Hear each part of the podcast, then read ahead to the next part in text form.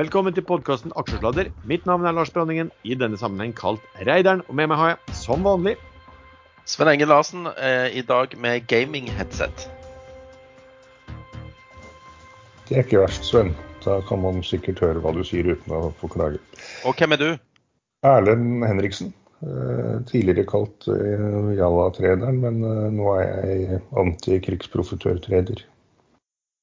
Velkommen tilbake, Sven. Du hadde ferie i forrige uke. Ble det, var det bra ferie? Jeg føler jeg har vært vekke nå i tre uker fra denne podkasten. Og lyttertallene har sunket dramatisk, har jeg skjønt. sånn, sånn er det. Men, noe. men nå, du har vært og kjøpt en, en, en fått tak i en ståmikk, er det så? Ja, Det er vel mer en hengemikk som er rett, plassert rett foran uh, truten. Så vi, håper at lyden blir bedre eh, fra min side i dag, da.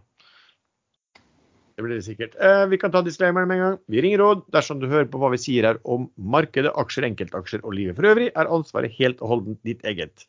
Det kan forekomme feil i det vi sier i programmet. Panelets og panelets gjester kan være lang, kort, direkte eller indirekte eksponert i aksjer, selskaper og produkter som omtales, og vi gir ingen anbefalinger. Henger den ikke rett foran truten? Nå, nå fikk jeg masse rare bilder på hjernen der. Det er litt ekle bilder også. Ja, veldig ekle. Nei, men Hvis dere ser på sånn amerikansk fotball eh, der trenerne går med sånn svært headset, og så har de en sånn stang foran, eh, foran, eh, foran munnen. da. Der jeg kan vippe opp og ned den sangen, f.eks. hvis jeg gjør sånn. Sånn. Og da er jeg tilbake. Fantastisk. Ja, jeg syns det, det, det Verden går framover. Hæ? Ja, det, jeg tror det er utdatert uh, utstyr òg, for det gikk ikke på sånn Bluetooth eller noe. Det gikk på noen sånne plug-in-greier i PC-en. Så jeg, nei. Jeg er skeptisk. Du kjøpte det på salg på loppemarkedet etter at alle andre hadde plukket ferdig. Jeg var på halv pris, da. Så det, det hadde visst kosta 1600, nå koster det eh, 800. Så vi får se. Men OK, la oss komme over til det. Altså, nå har det jo vært en enorm volatilitet i markedet, og det svinger fra den ene bransjen til det andre hva som er populært. og Det er vel, eh, det er vel manna fra himmelen for deg, Sven. Hva, hva har du gjort da i eh, den siste perioden? Jeg har trada veldig mye til å være meg det siste, ja, siste perioden, for å si det sånn. Og jeg hadde egentlig tenkt å innlede med å si at ja, har det skjedd noe siden sist jeg var her eh, i podkasten? Og, og det har det jo tydeligvis. Eh, jeg, må, jeg måtte begynne å telle sluttsedler en dag, for jeg syns faktisk jeg hadde jobba på. Og, og da kom jeg til 56. Og jeg har jo samlekurtasje òg, så det var nok en del mer trades enn 56 den dagen. Eh, og det tror jeg var mandag i, i denne uken. Så det har vært eh, hektisk, for å si det sånn. Og jeg kan ikke, jeg kan ikke liksom Jeg har treida alt mulig dritt. Men det er noe spesielt da som du kan liksom fokusere på, som du har hatt noe resonnement bak? Resonnement, ja. Eh, det som jeg liker er når ting faller eh, hardt og brutalt, det er at eh, alt eh, faller hardt og brutalt. Gjerne eh, unntatt oljeaksjer, da. Men eh, norske sparebanker, det er en drøm å trade når alt går til helvete. fordi at da lempes de òg ut. Og det er De kommer alltid først tilbake igjen, føler jeg. Så jeg tok brett eh, i eh, sparebankmarkedet, og har solgt igjen med, med hyggelig gevinst. Eller så har jeg Jeg har trada så mye rare aksjer eh, som jeg ikke visste fantes engang. Så jeg, jeg kan dessverre ikke Altså Men- ne, ramse opp alt. Neida. Men de du, de du ikke fantes engang, hva er liksom tanken da? Er Nei. det bare at da, da, Ja, ser du at, da har du alarmer på? Nei, jeg- jeg bare ser og så ser hvor mye de faller. og på dager der uh, ting går skikkelig utforbakke, så tar jeg bare Today's Losers, uh, altså dagens taperliste, og bare går igjennom der og ser hva, som, hva det er for noe, og hvor de kommer fra, og, og alt dette her. Så jeg endte opp med tredje noe som heter Astrocast. Jeg vet ikke hva det er. Eh, Det er noe sånn sveitsisk opplegg som jeg ikke helt har orden på. Og så masse sånne rare growth-selskap som jeg heller ikke visste fantes. Og så har jeg gått inn i Romerike Sparebank, som jeg faktisk har tenkt å holde, for de skal gjøre en emisjon på 110, eh, som er fortrinnsretta. Eh, med eh, 1,82 eh, retter per eksisterende. Så den tror jeg kan bli bra uansett. Så jeg har lært mye de siste ukene. Erlend, hva har du gjort eh, siste uken for, for din del? da? Nei, jeg øh, gjorde faktisk en kule på en aksje som jeg ikke husker hva var i farten. Jo, Doff. Doff Subsea. Eh, men den solgte jeg ut av før forrige aksjesladder. Eh, så har jeg da prøvd å hoppe inn i aksjer som jeg trodde skulle ta en kule. Eh, for det har jo vært helt vilt på børsen siste uken med F.eks. Ice Group, som er teknisk konkurs, men gikk 350 vel, var det på det verste. Eh, nå er den fremdeles eh, over dobbelt av den var da den starta. Eh, QSC har jo gått kraftig. Den kjøpte jeg fordi jeg tenkte at din teori Den fortalte du vel om sist, tror jeg, om at EUs økte behov for gass fra andre kilder enn Russland kan kanskje medføre at også Quebec endrer syn og lar f.eks. Quester Energy utvikle gassfeltene de har. Men da tenker jeg da krever det nok et, uh, at valget til høsten gir et annet resultat, som nye regjeringen eventuelt kan ordne. Men den kjøpte jeg, og så gikk den ned, og da solgte jeg uh, med mine vanlige 3 Det ble vel uh, eh, 2 tap på den, tror jeg. Og fortsatte ned dagen etter, og da var jeg ganske happy. Og nå er den plutselig opp 20% fra der jeg solgte, så det er ikke noe bra. Så der tenkte jeg riktig, men handlet feil. Um, Seabird er en annen aksje som har strukket voldsomt etter en artikkel på Ekstramaster. Den er jeg ikke med på, uh, men jeg er med på, på, på, på et annet delistingscase, eller et delistingscase som allerede har meldt at de skal delistes i midten av mai, og det er Inser. Der har jeg tjent veldig, veldig mye før. Eh, men det er mulig at jeg er litt tidlig ute. Nå er det begynnelsen av mars, og det er to måneder til den skal delistes. Men sånne aksjer pleier å få et eh, rønn. Den fikk litt eh, den dagen jeg kjøpte i forgårs. Ikke fordi jeg kjøpte, men det andre dro den kraftig opp. Så der ligger jeg faktisk litt i minus akkurat nå. Men det tror jeg går seg til. Så har jeg vært innom onkoseptides igjen, og onkopeptides. Eh, og den er det alltid veldig vondt å selge igjen, men eh, den eh, gikk så vidt over tid, men klarte ikke å holde seg over der. og Det har ikke kommet noen meldinger, og så forsvant luften. og Da solgte den med, med ca. 15 øre gevinst, og nå ligger den 15 øre under der igjen. Så det var jo sånn sett bra. Men den kommer til å stikke noe voldsomt hvis det kommer de meldingene man håper på. Så jeg har sånn alltid vondt i magen når jeg ikke eier den. Og så har jeg kjøpt eh, en del, faktisk, i et lite afrikansk oljeselskap eh, som også har assets i Italia. Og nå kommer, eh, kommer det til å bli rabalder og hyl og skrik, og Erlend må kastes ut av aksjesladder fordi han promoterer rent søppel, og det har jeg kalt denne aksjen selv før. Men jeg har lest meg litt opp, og det er faktisk ting som skjer. Det er Zenit Energy, tikker Sena. Det sorte hullet i, i Aserbajdsjan, eller ja, selskapet jo... som er kjent for det sorte hullet i Aserbajdsjan. Ja, det er litt morsomt den der, for Aserbajdsjan var jo ikke måte på hvor stort og fint det var. Det var jo største oljefylt i hele Aserbajdsjan, som da dette lille Sena eide. De, de, de, sendte jo masse bilder òg, liksom. Nå har vi støypt fundamentet her for uh, drillingriggen vår. og Det var veldig ja, ja. bra oppdateringer hele tiden. Og de kjøpte inn en drillingrigg, og det viktigste som ble poengtert i børsmeldingen, var hvor mange hestekrefter den hadde. Det har jeg egentlig aldri sett Equinor eller andre melde hvor mange hestekrefter en rigg har. Men, men. Eh, det var jo fantastisk hvor fantastisk det var. Og så ble det plutselig trøbbel, og de ikke, fikk ikke opp noe olje, og det var problemer. Og så ble de kasta ut. De oppfylte ikke eh, forutsetningene tidsnok og ble kastet ut av Aserbajdsjan. Men det gikk relativt smertefritt, og de fikk faktisk med seg riggen også, har jeg klart å lese meg opp til. Eh, så da har de masse S-krefter et annet sted. Og de fikk utbetalt litt penger, en halv million dollar etter at de var kastet ut, for det var eh, overskudd som de hadde til gode.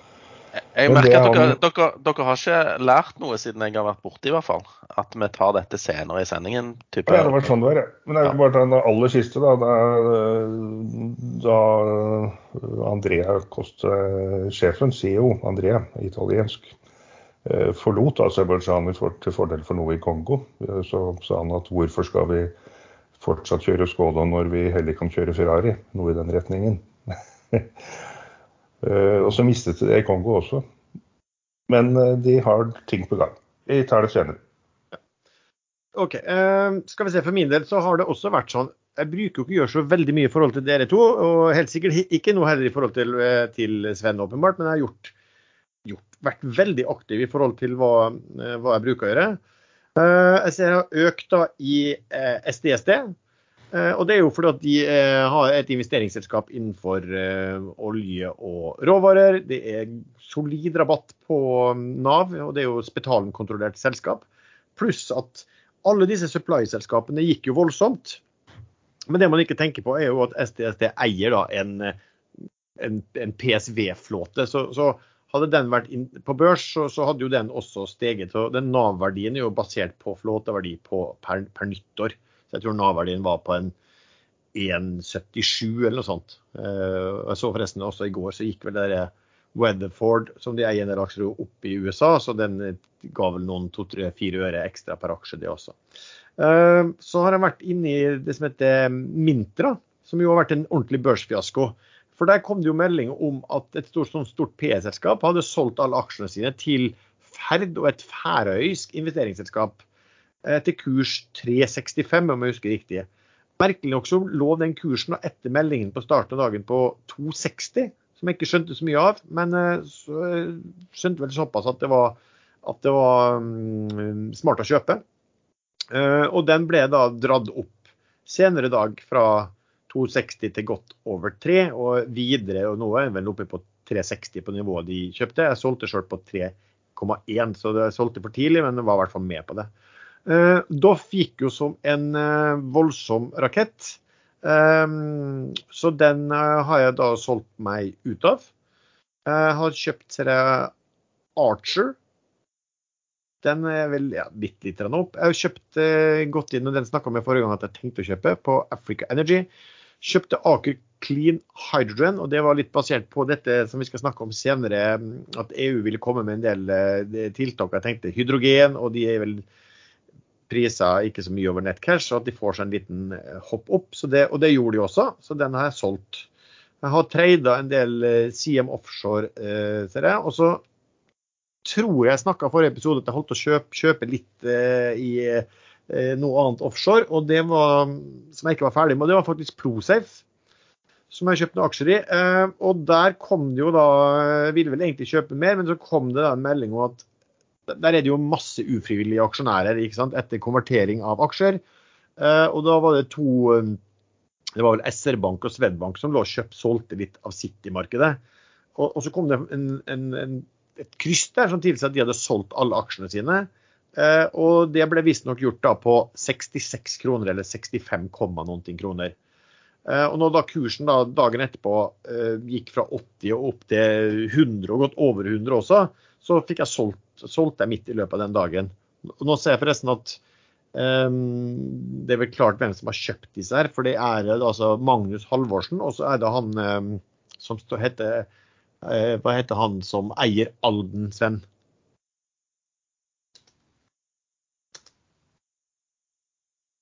Der savner han. Nei, jeg Beklager, jeg har nytt utstyr og er ikke helt uh, komfortabel med hvordan jeg trykker på knappene her. Men hva heter Så, han? Alden? Uh, uh, Edvin Austbø. Edvin, Austbø, ja. Uh, skal vi se, så har jeg trada Oddfjell Drilling, men var, det var ikke noe bra, så den jeg ut igjen da, med tap. Kalera var veldig fint å trade en del dager. Kjøp om morgenen, selg uh, etter lunsj.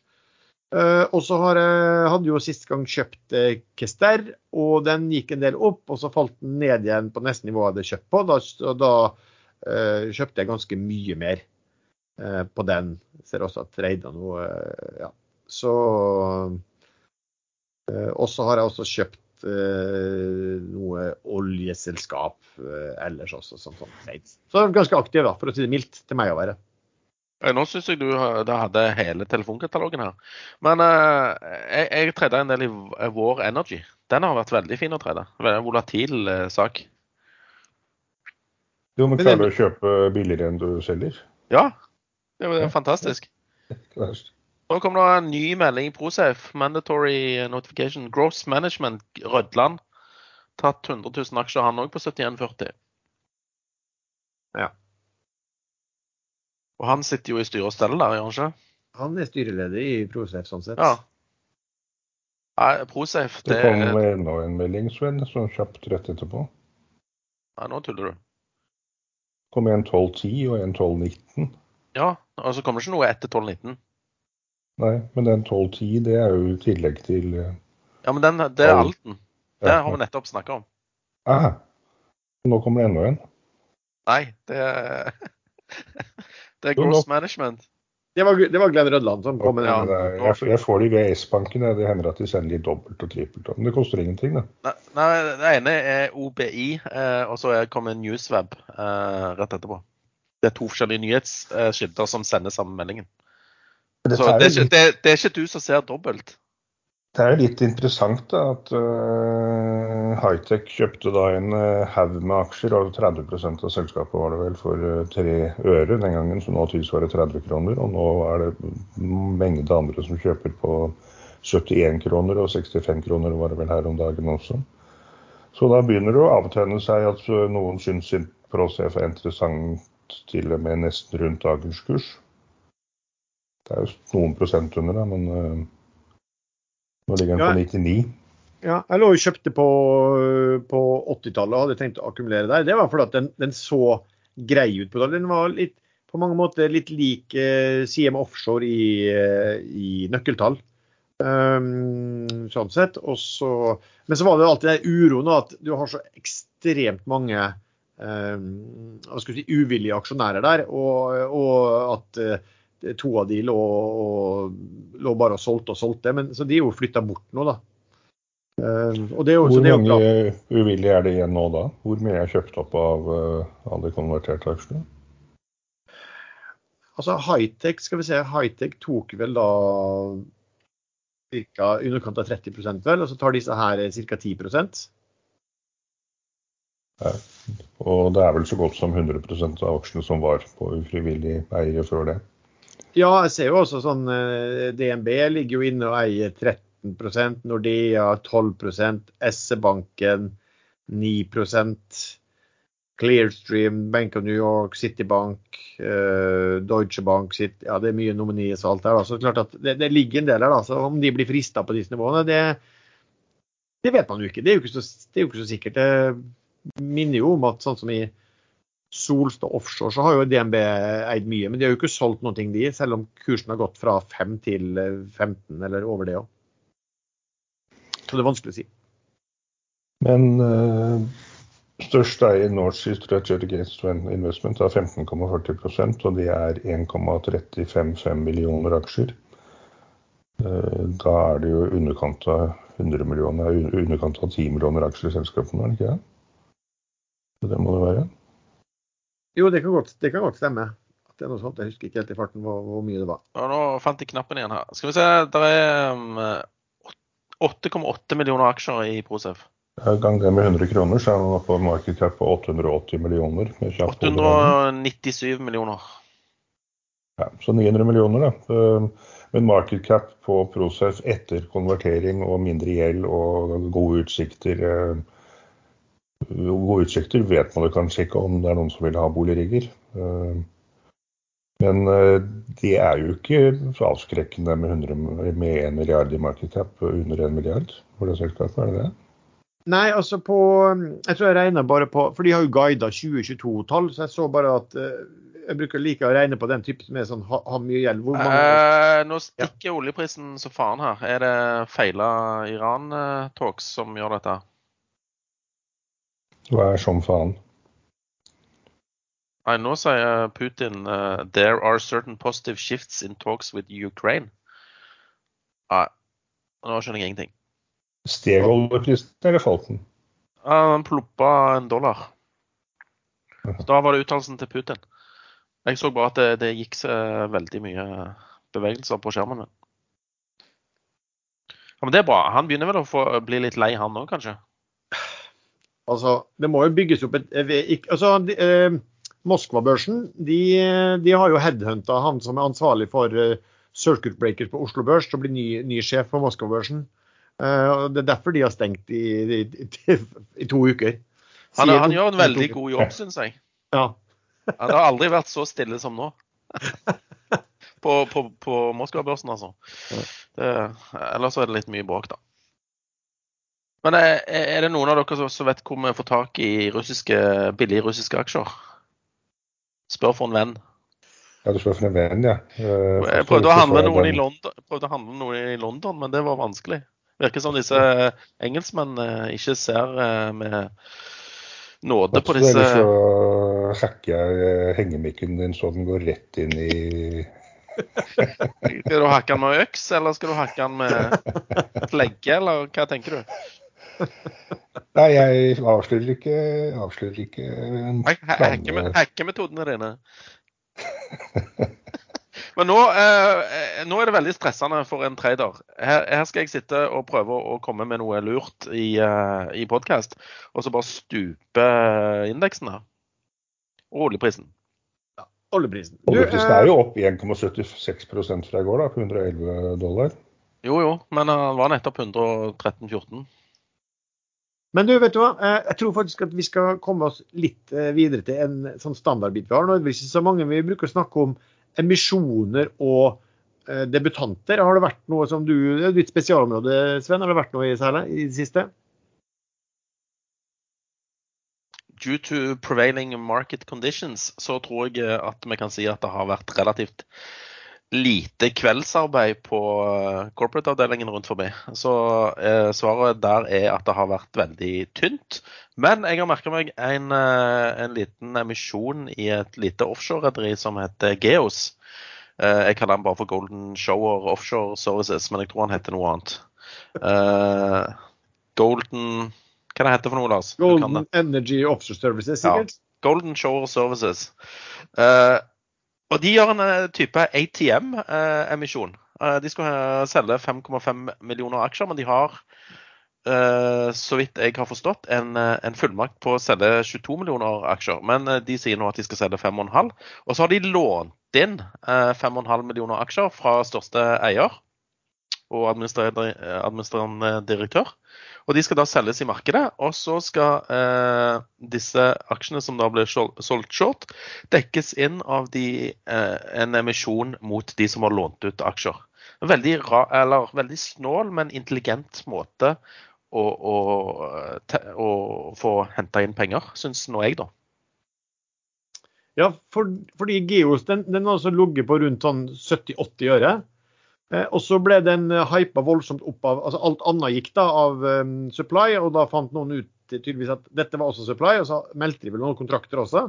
Så jeg ser den gikk da I uka nå så gikk den da um, Eller var det forrige ja, det var forrige uke den gikk som verst. Da, da, den, gikk den jo fra 80 øre, og så var den oppe i eh, Faktisk på, man, på, på, forrige fredag var den oppe i over 3 kroner. Så den gikk 300% på ikke mange dagene. Eh, og så har den falt tilbake. og klart, Når de meldte at de skulle bruke denne ATM-en til, til, å hente penger, så har jo den selvfølgelig eh, falt tilbake eh, inntil i dag. I dag er den faktisk opp 17% igjen. Ja, og, men det er jo første gang jeg har sett det i det norske markedet. At de bruker en sånn at market-løsning for å hente penger. Som da tydeligvis må være lov, fordi at børsmeldingen var jo med henvisning til var det advokatfirmaet Bar som sikkert har sjekka legalitet her. Ja, og jeg er helt enig med at den er jo interessant og ganske smart måte. fordi at hvis du kan, altså Det gjør jo i hvert fall at du kan utnytte markedet veldig raskt. Ja, et uh, selskap sånn som f.eks. Interoil, som da ser aksjekursen sin eksplodere fra én krone opp til over tre eh, kroner. Hadde de hatt en sånn mulighet, så hadde de jo sikkert eh, benytta den, for å si det sånn. De har jo slitt veldig med å hente inn penger, eh, fordi at aksjonærmassen der er eh, hovedsakelig retail-aksjonærer. Eh, ja, ikke sant. Men eh, vi er jo vant til det, for vi har jo snakka om det før i, i selskap fra USA også, som har gjort, eh, hatt sånne ATM-ordninger. Ja, men aldri i Norge, så vi må gratulere Golden Shower med, med førsteplassen. Med vellykket dusj. Ja. De dusjer aksjer på eh, nye aksjonærer. Ja, Så det gjorde håper jeg det blir en gullkantet investering for de som da eh, kjøper aksjer fra selskapet.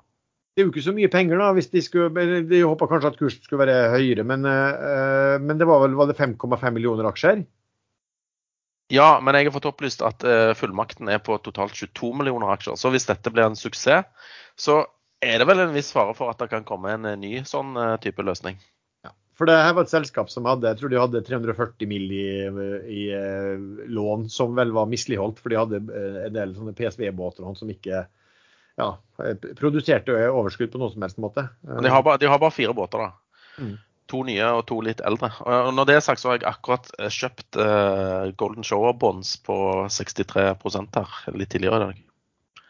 Så jeg håper Er Donald Trump også en i de samme, eller? Hva sa du? Han bare en veldig dårlig vits. Han var litt morsom, det. Ja, nei, eh, jeg, jeg, jeg kan godt sjekke aksjonærlisten hvis du, hvis du ønsker det. Og setter etter eh, Trump senior, da. Donald.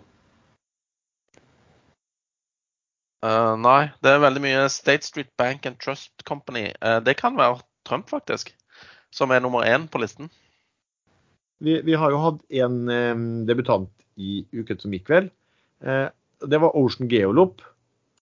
Som ble kalt eh, Den falt vel ganske kraftig dag én, så den ble vel kalt for Ocean Geoplop. Uh, forstår jeg. Jeg tror den de, jo, Om de gjorde en emisjon like før de gikk på børs på 37 eller noe sånt. Her skal du ikke synse, her skal du ha uh, fakta på bordet. Eh, hoffmegleren til Ocean Geoloop er jo Clarksons Plateau Securities. Og de, gjorde, eh, de henta 50 millioner kroner på 37 kun dager før eh, IPO-en. Så når en da liksom eh, faller under 30, så tror jeg de som tok i den emisjonen, da, eh, sikkert ble litt irritert, for å si det Det tror jeg på. Så Ocean, derfor ble den ganske av onde tunger kalt for Ocean Geoplop. Eh, men så steg den litt dagen etterpå, så har den sklidd tilbake igjen nå. Så den ligger i nå, akkurat nå på 33. Den, Men den tre, tre, jeg treide den òg, når, når han var på 30 og så litt under. Og så solgte jeg den på rundt 35. Så den ble fin, den. Den, da traff du jo klokkerent på den. Ja, men jeg har fulgt med han i, i, eh, i gråmarkedet. Så han har liksom alltid treida, eller den siste halve året har han treida mellom 35 og 40 kroner. Så det var sikkert en liten uh, kalddusj for de eh, aksjonærene der når han falt under 30. Men en annen, et annet aksje da, som vi har faktisk snakka en god del om, for vi har jo eid den begge to, Sven, og du har jo vært garantist, garantist din også. Vel, Garantist. ja, garantist. Eh, Aega har vel meldt i dag at de eh, ser på eh, muligheten for å hente ny kapital fra aksjonærene. For at, kan ikke du bare rekapitulere hva, hva som skjedde med warrants og den biten der? Ja, det var en emisjon eh, på 18 millioner aksjer som ble gjort på 1,50. Og i tillegg til å få aksjer på 1,50, så fikk du to frittstående tegningsretter på henholdsvis 1,7 og 1,9 kroner per aksje. Første transjen på 1,70 den utløp i går. Eh, aksjekursen ligger på 1,36 for øyeblikket, og det er ikke rart at ingen ville tegne aksjer til 1,70. Så de tegningsrettene har eh, eh, ja, de har forfalt verdiløse. Så da har du igjen tegningsretter på 1,90 som, eh, som er gyldig til juni, er det vel. Eh, Så da selskapet ligger akkurat nå, eh, så vidt jeg har forstått, i break-even. Altså de må ha mer solpakker for å kunne generere eh, overskudd.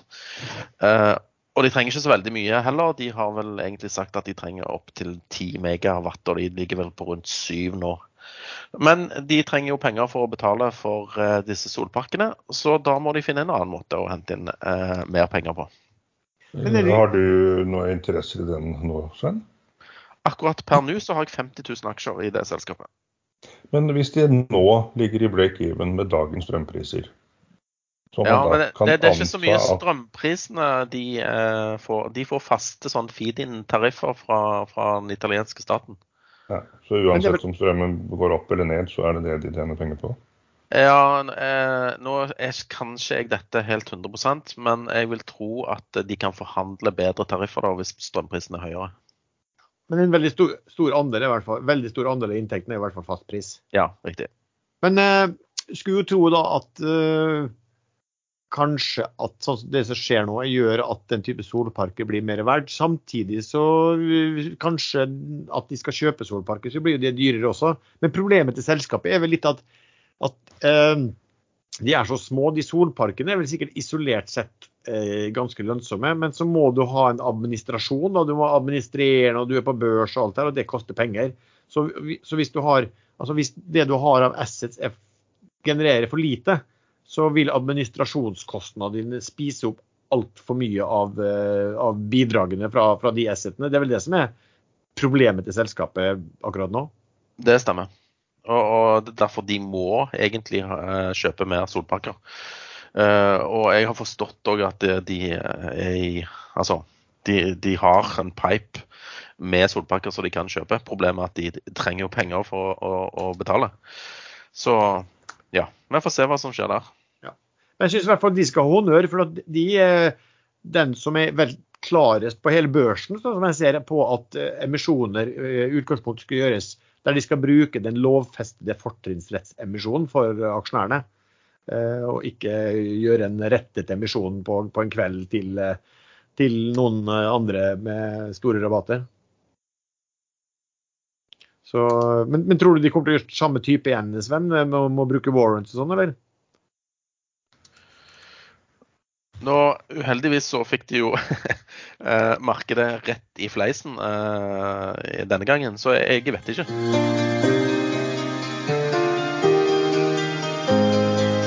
Vår hovedsponsor Skilling er en skandinavisk CFD-megler. Skilling tilbyr lynrask og kurtasjefri handel i norske og globale aksjer, indekser, olje, råvarer, valuta, ETF-er. Skilling tilbyr mer enn 50 forskjellige kryptovalutaer og har en rekke forskjellige handelsplattformer og trading-apper. Skilling trader Metatrader 4 og C-trader. Du behøver kun bank-ID, og alt kan handles med eller uten giring, long eller short, til meget lave kostnader. Skilling har nærmest fullstendig fjernet spreads på kryptovaluta, samtidig som de også tilbyr kryptohandel uten giring. Med en bitcoin-spread på bare 0,5 dollar og kryptokrutasje fra bare 0,1 er Skilling nå sannsynligvis den desidert billigste kryptomegleren på markedet. Bruker du Skilling til å trade CFD-krypto uten giring, betaler du heller ikke renter, vekslingskostnader eller bankgebyrer. Skilling har kundeservice på norsk, kurtasjefri handel i nærmest alt av finansielle instrumenter og industriens laveste kostnader på kryptohandel. Sjekk ut skilling.no om du allerede ikke har gjort det, og åpne skillingkonto med bank-ID. Risikoadvarsel. 66% av ikke-profesjonelle kunder taper. Fullstendig advarsel på skilling.no. Lenke til Skilling finner du også i beskrivelsen til denne episoden.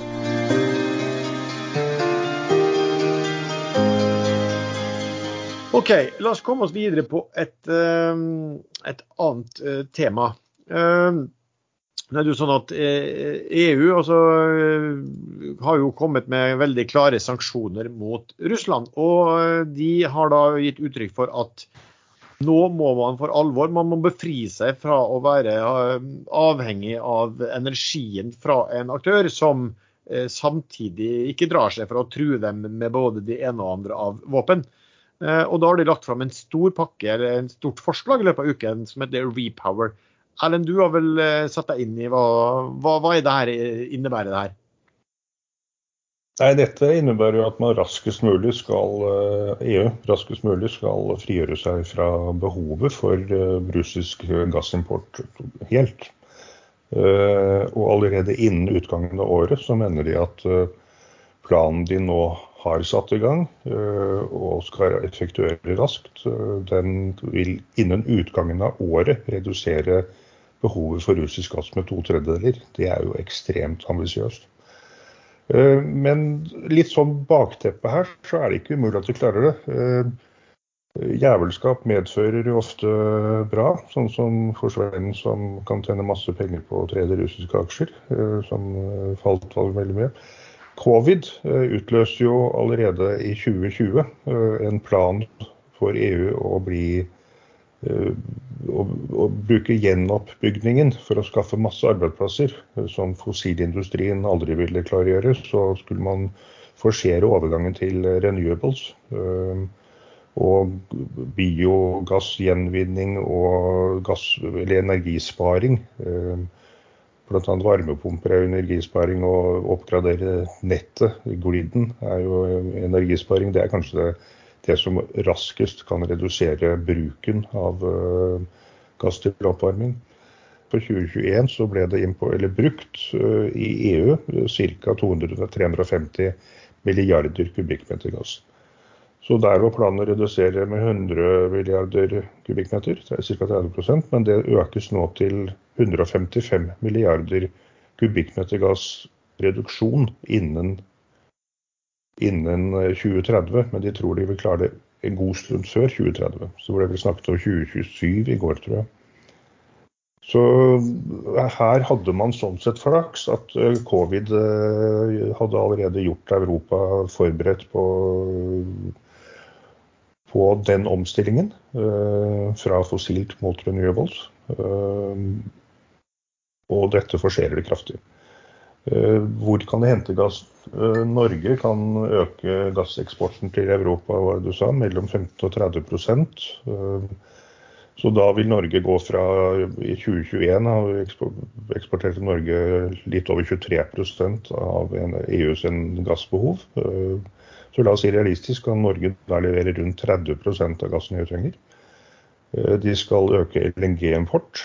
Det er relativt betydelige mengder de kan kan øke med så lenge de finner gassen. Men planene er i hvert fall å øke med mellom uh, skal vi se, LNG uh, rundt 50 milliarder kubikkmeter. Det er jo da over 20% av hele gassbehovet. Biogass det skal dobles innen 2030 opp til 35 milliarder kubikkmeter. Og biogass er jo en kjent teknikk, og det er masse kilder man kan lage, ta biogass fra. Både søppel og avfall fra jordbruk og, og ja. Der er det faktisk helt reelle store muligheter. Eh, men de snakker også om hydrogen, eh, og da har man jo nå i EU akseptert at eh, man ikke kun skal bruke grønn hydrogen, som er kun strøm og vann, men også lage hydrogen av gass. Og det regner de med at innen 2030 så kan man uh, erstatte ca. 25-50 eh, milliarder kubikkmeter gass. Uh, og det skal gjøres gjennom import av hydrogen på ca. 10 millioner tonn. EU har allerede vedtatt å produsere ca. 5 millioner tonn, og det øker de nå til 10 så ca. 20 millioner tonn hydrogen i året, som da tilsvarer 25-50 milliarder kubikkmeter gass. Så det er en mengde planer som settes i gang simultant og samtidig. Eh, man gjør også i EU grep med å passe på at også land i EU som verken har lagre av gass eller produserer gass, vil ta del i dette systemet. Og også Ukraina Bulgaria og Molda, Mold, Moldova har jeg lært at det heter nå. Moldova. Men altså den repower, som jeg så på den, så er det vel egentlig to ting. Eh, konklusjonen ut fra den. Det er en at eh, det grønne energiskiftet må akselereres kraftig. Og det andre er vel at energisikkerhet, egentlig sikkerhet generelt, men energisikkerhet kommer også til å få økt oppmerksomhet. Vi så jo det da når det kom den rapporten også, at uh, veldig mye av disse selskapene, altså vind, uh, sol og hydrogenselskap, uh, fikk jo en veldig fin opptur på, på børsen også. Selv om det kanskje er litt sånn, det er fortsatt litt uspesifikt hva EU vil tilby å gjøre for å få satt veldig ekstra fart på det. Jeg tror det kom, skulle komme en sånn ny pakke i vår også spesifikt, om det var bare mot hydrogen eller om det var Eh, mot, hadde med sol og vind også. Det er jeg litt usikker på. På vind, eh, sol, solkraft og um, varmepumper og sånn, der er lovgivning egentlig grei nok. EU eh, e skal subsidiere 10 millioner varmepumper de neste fem årene. Og utbrede, utbrede griden, strømnettet, det er ting som går sin gang. Sol skal man øke til 15 terawatt-timer utbytte. Det tilsvarer 2,5 milliarder kubikkmeter gass, så det er ikke så veldig mye sånn sett. Men der man ser de største mulighetene for, for å øke en del, det er havvind og annen vind i Europa. Og der skal de redusere byråkratiet kraftig. Behandlingstiden skal kraftig ned. Og det skal de vedta i mai. Så alt det som EU altså Det er jo ikke noe tvil om at nå, nå slår EU på stortromma eh, på mange saker. Og at det her er noen ting som kan bli eh, viktig å snegle til når man skal investere i framtiden. Eh, hva som skjer der. Det er vel ikke noe tvil om? Nei, absolutt ikke. Så det er jo bare å begynne å plukke selskapet Børs Inner Renewables som, eh, som vil profitere på dette. Men nå er det jo altfor mange sånne selskap på den norske børsen, så man må plukke litt uh, målrettet. Og da kan jo et selskap som Saga f.eks. være et alternativ. De er flinke til å plukke, og de, de er også flinke til å hive ut det som ikke funker. Uh, så vi har den ikke selv. Men uh, da vil man nok være med på oppturen. Men man vil jo ikke få 100 eller 200% stigningene som man kan få hvis man plukker direkte de selskapene som virkelig tar av det. Det har jo vært en, en bra del av min portefølje Saga i langt periode. Det er akkurat det fordi at eh, det er så vanskelig å orientere seg om alt det grønne som kommer. De er ofte i så tidlig fase, og de har sittet med en, en, eller annen teknologi som kanskje vil fungere, og så har de masse, en del har masse intensjonsavtaler. Men det er helt umulig å si hva, de, hva det innebærer, og hva de kommer til å ha inntekter, og ikke minst hvilke marginer de vil ha på det. Så sånn sett så er det kanskje litt lettere å eh, gi, gi, ansvaret for pengene og si at det, dette er et område du tror vil komme, da, og så gi ansvaret til noen som du, du føler er, eh, er, er, flinke nok og kritiske nok, ikke minst, på, um, på, på hva de skal investere i. Uh, om dere har hatt et møte eller noe, sendt et uh, mailer eller noe om at denne podkasten nå skulle bli skikkelig sånn politisk korrekt? For jeg har ikke fått uh, det notatet. Nei, altså, jeg bare tenkte på dette her med nå skal alt være grønt og skjønt, og hun investerer og kvinnedag og hele driten, liksom. Men vi sier jo ikke at det skal, men vi sier bare at EU kjører i den retningen der. Eh, det... Ja, han eh, Jallakongen sa nå må du begynne å plukke grønne aksjer, og spesifikt Saga, som du da eier. Så jeg vet ikke hvordan jeg er jo ikke det. Eh, dere men, det, sto, det sto i mailen. Jeg vet ikke hvordan dere gjør opp dere imellom, men eh, jeg aner ugler i mosen, hvis det er lov å si.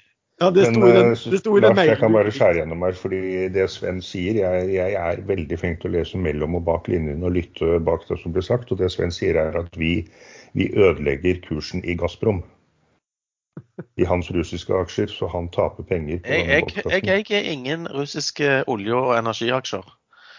Men, oss, men hør, da, vi, da vi, er vi på olje. Da kan vi jo snakke litt om oljepris, da, som har jo variert noe ekstremt store oppganger. Og, og ene dagen i uken her så falt den faktisk 17 dollar på én dag også. Så det er jo helt syke utslag her, da. Eh, Sven, det der er jo litt ditt eh, du følger med på. Hva, hva, hva, tror du, hva, tror du, om oljeprisen liksom, på kort og lang sikt? Nei, altså Det er så mange faktorer nå som påvirker oljeprisen. Du har uh, Russland-Ukraina-situasjonen, og så har du uh, disse strømprisene uh, som har gått amok i Europa på både før og nå etter, etter den invasjonen fra Russland. Og så har du disse Iran-samtalene, atomsamtalene, som den ene dagen er, er klar til å undertegnes, og så neste dag er det milevis ifra igjen. Så det er så mange eksterne faktorer som påvirker dette her. Men jeg tror jo ikke at de sanksjonene som eh, er innført mot Russland, kommer til å oppheves med det første. Så jeg tror på en vedvarende ganske høy oljepris. Kanskje ikke så høy som han er nå. Nå er han akkurat 111 as we speak. Han var nettopp 130 for noen dager siden. Og så var han, kom han jo fra rundt 70-80 dollar eh, fatet før dette. Så eh, vi lever veldig godt med en oljepris rundt 100 dollar altså, her på berget.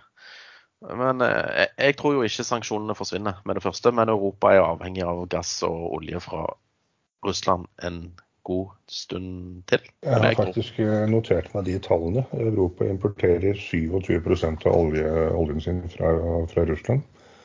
45% av gassen og 46% av kull. Eh, kull skal jo fases ut raskest mulig, men 46% er jo en enorm avhengighet. Så det er kanskje det vil slite enda mer med på kort sikt enn, enn gassen. Ja, og, og, USA var jo tøffe i trynet og sa de slutter med energiimport fra Russland. og Det tilsvarte vel rundt, eller olje fra Russland, og det tilsvarer vel rundt 700 000 fat olje per dag. Og, og det merktes jo umiddelbart på oljeprisen. Men ja, på den annen side, hvilke andre sanksjoner skal komme? Skal de kutte ut gass og olje fra Russland i, i EU? Det tror jeg ikke kommer til å skje. For det, det, det er jo sikkert politisk selvmord. Du, altså på, det er jo ikke så rart at, at folk liksom kan, er, er, usikre på oljepris. for at Samme dag så kom jo to av de, de store aktørene i USA. altså Goldman Sachs og Citigroup kom med anslag på, eh, på eh, oljepris. Og eh, Goldman Sachs de økte jo anslaget i 2022 ganske kraftig. De sa at snittprisen på brent i 2022 skal være på 135 dollar. Og så sier de 115 dollar i 2023. Eh, men Citigroup, da ved han som heter, analytiker som heter Ed Morse, han sa derimot at eh, etter et sterkt første halvår så trodde han oljeprisen ville falle til 87 i Q3 og helt ned til 69 i Q4. Og City tror altså på en snittpris på 65 dollar i 2023. Altså Goldman 6 tror på 115 dollar City tror på 65 dollar. Um, jeg tror litt av årsaken er at han, han Ed Morse han, Jeg husker når, når dette med Shale kom opp den gangen. Han var vel veldig flink den gangen til å hvis jeg husker riktig, spå eh, Shale-aktivitetens økning, da, som kom overraskende på de fleste. Og Han tror nå at Shale-produksjonen eh, skal doble seg på tre år dersom oljeprisen eh, blir liggende over 90 dollar fatet. Ehm, nå så jeg også at det, det har jo vært sånn at disse shale-aktørene eller oljeselskapene i USA de er veldig interessert i cashflow nå. De tjener jo enormt mye på det. og eh, Kanskje de forsøker å gi inntrykk av at, at, det er myndighetene som stopper de fra å lete mer. Men det er det jo ikke. Jeg så, at, eh, så en sånn pressekonferanse om det her. Også at, jeg tror det var 9000 ubrukte eh, oljeproduksjonstillatelser i, USA nå. Så, så det var liksom ikke noe det var ikke noe problemer for de oljeselskapene å produsere alt hva de kan. da. Så, så, det, er, det, er, kanskje der slaget står, da, at Goldman ikke tror på den økningen på shale-produksjon, mens han Ed Morris i City tror den kommer eh, sterkt. Så det der blir jo det blir jo utrolig spennende for oss i Norge da, og for norske børsen å, å tenke på hvem er det som faktisk eh, får eh, rett her. Bare kort tilbake til eh, dette Gazprom. EU-presidenten eh, e Ursula Hva heter hun igjen? Alltid litt vanskelig Von der Leyen. Von der Leyen, hun, eh, hun sa at vi kan ikke være avhengig av å importere varer, gass, olje, kull fra et land som direkte truer oss. Og nå når man går litt tilbake og ser på årsakene til de ekstremt lave gasslagrene i Europa, aldri vært så lave før, så ser man at de fleste lagrene er rundt 40% fulle. Men de som eies av Gazprom, og det er en ganske betydelig andel i Europa, de er 16% fyllingsgrad. Her skal det nå etterforskes. Uh, da snakker man med kriminell etterforskning av Gazprom om de har bevisst redusert lagrene sine for å provosere problemene i Europa, sånn at Europa ikke skulle slå seg hardt til mot Russland når, når de invaderte Ukraina. For det er jo helt åpenbart at det var planlagt i lang tid. Det har jo liksom gått litt under radaren nå, alt dette med Russland. Men det er jo renter og inflasjon. Og, og nå kom jo USA da med inflasjonstall eh, i går. Sven, hva, hva sa de? De sa ikke så mye, de var stille som mus. Men eh, de viste 7,9 eh, årlig eh, økning i altså konsumprisindeksen der borte, som òg var venta. Men altså, det er jo nesten 8% årlig inflasjon. Og det er jo litt mye da, i forhold til et uttalt mål om 2 Så renter vi opp. EU har begynt å få panikk. Eh, Europeiske sentralbanken sier nå nå kutter vi disse støttekjøpene fordi at nå kommer inflasjonen, og den er høyere enn venta, kommer til å vare lenger enn venta. Og så skylder de på Ukraina-situasjonen. Så det er ikke de som har gjort noe feil, det er kun Russland som har eh, fucka dette til for dem. Nettopp. For det så hun eh, Janet Yell nå var ute og sa nå at nei, nå kunne man eh, forutse høy inflasjon i hvert fall enda tolv måneder. Eh, og det var jo da selvfølgelig pga. Ukraina. Nei, Russland vel egentlig. Ja ja. Eller Ukraina-situasjonen, da. For å si det sånn. Men, det er ikke Ukraina men, sin feil at de ble invadert. Eller er det det? hva, sier hva sier du, Erlend? Tror du det er Ukraina eller Russland sin feil, dette? Nei, ikke kjør han i gang på det der nå.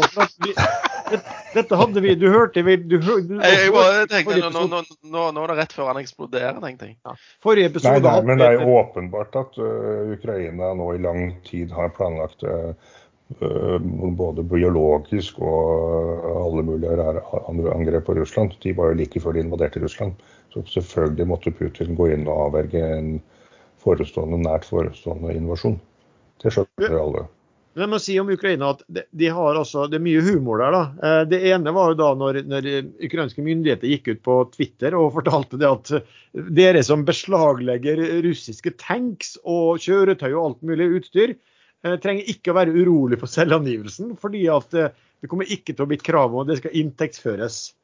Og så var det en som hadde lagt ut bilde av en kar som sto i skogen med sånn, med sånn topplue foran en tanks, og skrev at dette var Igor. Og Igor brukte hver dag å gå en tur i skogen. Og i dag i skogen så hadde han kommet over en forlatt russisk tanks. Så det sto at nå, eh, nå Igor eh, eier av en russisk tanks med de og de våpensystemene, eh, som var verdt sånn ca. 20 millioner dollar. Congratulations, Igor, sto det bare. Så det var mye morsomt. Hvem av dere har fulgt med på dette her? Sven, jeg tror du kanskje har fått med deg i nikkel markedet, der har det skjedd eh, bruduljer nå de siste dagene. Hva, hva er det som har skjedd? Uh, London Metal Exchange, LME, de har pausa handelen i uh, nikkel futures og uh, derivater og, og, kontrakter. Fordi at den prisen der dobla seg vel over natten, var det ikke det? 250 opp. Såpass, ja. OK. Ja, eh, og så er det en kineser eh, hvis navn eh, jeg ikke husker, men han ble kalt for Big Shot. Han satt Big Short i dette her fordi at han er nikkelprodusent. Så han liksom selger, selger liksom nikkel short fordi å kunne dekke seg inn med fysisk nikkel etter hvert. Så ja, han ble skvisa herfra til Vladivostok, hvis det er lov å si. Så, så, så, de har ikke åpna handelen der ennå. Så har de kansellert masse handler fordi at noen tydeligvis har tapt for mye penger, da, og de er sikkert viktige for det markedet der og, og, og sånn. Så nei, et sammensurium av, eh, av eh, ja, ting som har skjedd plutselig. Så han, eh, ja. Han nissen han heter Shang Guangda og er liksom tycoon bak den kinesiske nikkelprodusenten Sinksan Holding Group, står det. Sinksan. ja, nei, eh, han har sikkert hatt eh, noen hektiske dager på, på kontoret, vil jeg tro. Ja, ja, altså, han har jo fått? Du, du, er jo short, ikke sant? og da må du jo dekke inn da, når, når det her begynner å komme. Så, ja, ja, han må ikke dekke inn, men han må hele tiden eh, ja, stille mer sikkerhet. Ja. Og når du ikke har mer sikkerhet, da, fordi at du kun har fremtidig nikkel eh, som skal selges, så sliter du da. For han trenger jo cash, da. For, og, eller så må han dekke seg inn. Og han har uttalt at han har ikke lyst til å dekke seg inn, for han har lyst til å ha de short-posisjonene. Og det er jo et bra signal å, å sende til de som da skviser han. Han har jo fått margin calls, ikke sant? Ja. Eh, og har da ikke, om han ikke vil eller kan, eh, komme opp med de pengene for margin callen. Ja, det er nettopp spørsmålet. Ja. Og, og, Men er han uh, kineser-kineser eller Hongkong-kineser? Ja vel. Han forrige som røk, var jo Hongkong-kineser. Han som røk på Hanan Huang? Viacom, eller hva det var for noe. Ja. Det står at han er en kinesisk produsent. alt Jeg ser akkurat nå det står litt om det her på, på Financial Times. Det Financial Times skriver egentlig er jo litt det at aktører kan påvirke og få et marked til å kollapse på den måten, det er, ikke sant? det er, det er tvilsomt, det også. Ja, det blir spennende å se når, når, det markedet åpner igjen, hva som da skjer. Det blir òg spennende å se hva som skjer når de åpner russer, altså Moskva-børsen. Ja, det, det, er sikkert happy, de som har, de som har kjøpt de retail-russerne som hadde kjøpt så voldsomt mye Sperbank. For det var vel en som faktisk ble handlet i hvert fall en liten periode i London via en sånn depotbevis. Eh, og den var vel ned 96 tror jeg. Det var masse av de eh, depotbevisene i London som ble handla ned eh, mer enn 90% den siste dagen før de ble pausa, faktisk. Ikke sant? Og det er vel, eh, Hvis man nå skulle finne en direkte eller indirekte måte å investere i, i russiske verdipapirer på, så risikerer man jo at plutselig så er den sperret, og man får verken solgt eller tatt ut penger hvis man klarte å selge. Nei, det stemmer. Men jeg så at eh, BlackRock, den amerikanske fondsforvaltergiganten, meldte 17 milliarder dollar i tap på russiske verdipapirer. Så det, det er sikkert flere. Ja, ja, selvfølgelig har de råd til det, men det er sikkert noen som ikke har råd til det òg. Ja, og Det har vi jo sett på litt europeiske banker. da, At de har fått, en del har fått juling der. Også, for Man er jo litt urolig da for hvilken eksponering de måtte ha. og om de har eksponering til andre som har eksponering. Det er vel ofte eller, østerrikske og italienske banker og sånn, som kanskje sånn tradisjonelt sett har gjort ganske mye i Russland. Vi har snakket om eh, påvirkning av indeksendringer, eh, Sven. og Nå har børsen kommet med hva som skal gjelde, tror jeg, fra ikke kommende mandag, men mandag etter der igjen. Av nye eh, selskap som kommer inn og ut av indekser. Kan du gi oss en liten oppsummering? Uh, ja, det kan jeg faktisk, for nå har jeg juksa og funnet fram uh, siden på uh, euronext.com. trer i kraft mandag 21.3, dvs. Si at fredagen før neste fredag er siste dag før endringer, og en dag som ofte byr på gode tradingmuligheter. Men de siste gangene det har vært indeksendringer, så har det vært veldig vanskelig å predikere hva som kommer til å skje. Så det blir volatilt veldig ofte i auksjonen, men uh, hvilken vei det går, det er litt vanskelig å kunne uh, fastsette og spå om. Men uansett, i OBX-en så er det to stykker som ryker ut. Det er Adevinta og Bakka Frost. De uh, erstattes av Autostore Holdings og Norwegian Air Shuttle. I OCBX så er det fire aksjer som ryker ut. Det er Avans, Avansegass Holding, PCI Biotech Holding, Wow og XXL. Inn kommer Aker Carbon Capture, Arendals Frossekompani, Autostore Holdings og Cloudberry Clean Energy. Det var stort for Arendals Frossekompani å endelig bli inkludert i en indeks. Den aksjen har jo vært en sånn spøkelsesaksje i 100 år, før de da fant ut at eh, de skulle satse på fornybart. Så gratulerer til dem. Ja, det var riktig det. Det var ingen som så på det, for det var så liten likviditet. Men sånn, litt i all skjul så bygde de opp en veldig sterk eh, business innenfor eh, grønt. Det var Arendals Fosskompani og Skiens aksjemølle. Skiens aksjemølle har vel gitt opp og gått av børs.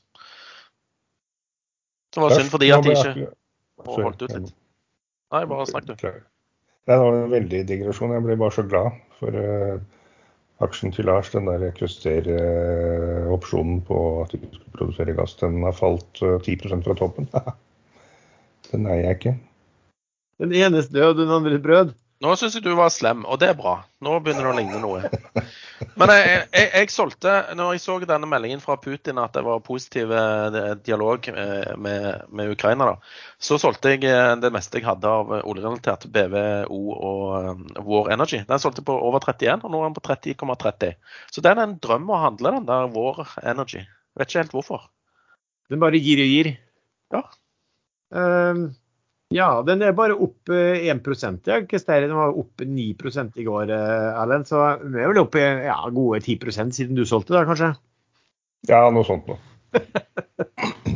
Men, Men uh, det, det, skal jo et under til. Det, det er jo bare masse grønne folk i, i Canada. Så de kommer ikke til å switche om. Ja, vi òg vil ha sånn dirty gas, liksom. De vil jo ikke det. De vil ha blomster, de. Det Nei, men, videre, Lars. Nå er den ned nesten 15% fra toppen.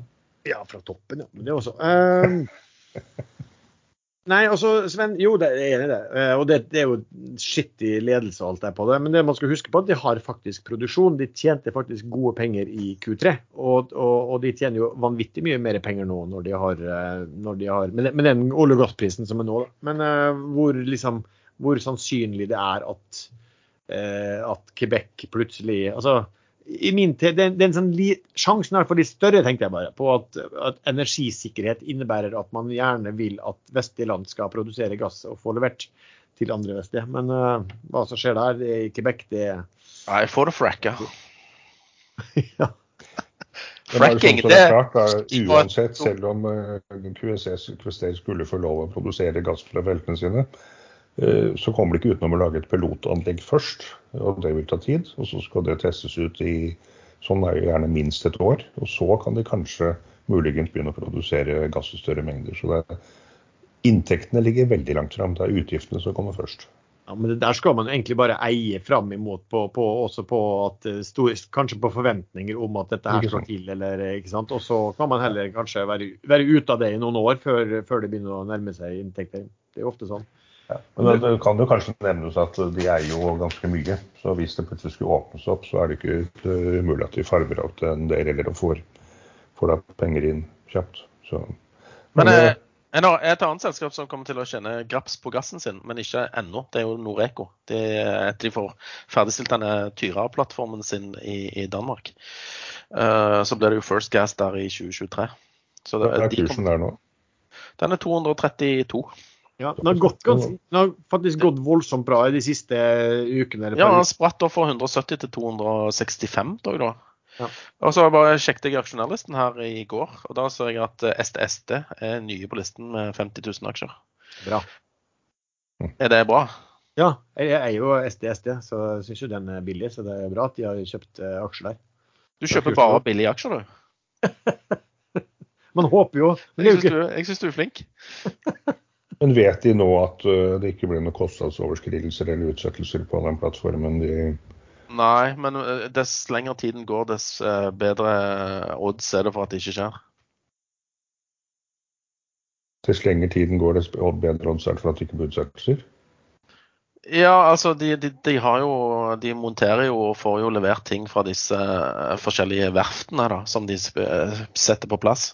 Så etter hvert som byggeklossene liksom kommer oppå hverandre, så, så er jo sannsynligheten mindre for at totale overskridelser blir større når de har holdt seg på budsjett så langt, liksom. Hver dag uten dårlige nyheter er en god nyhet, kan man si.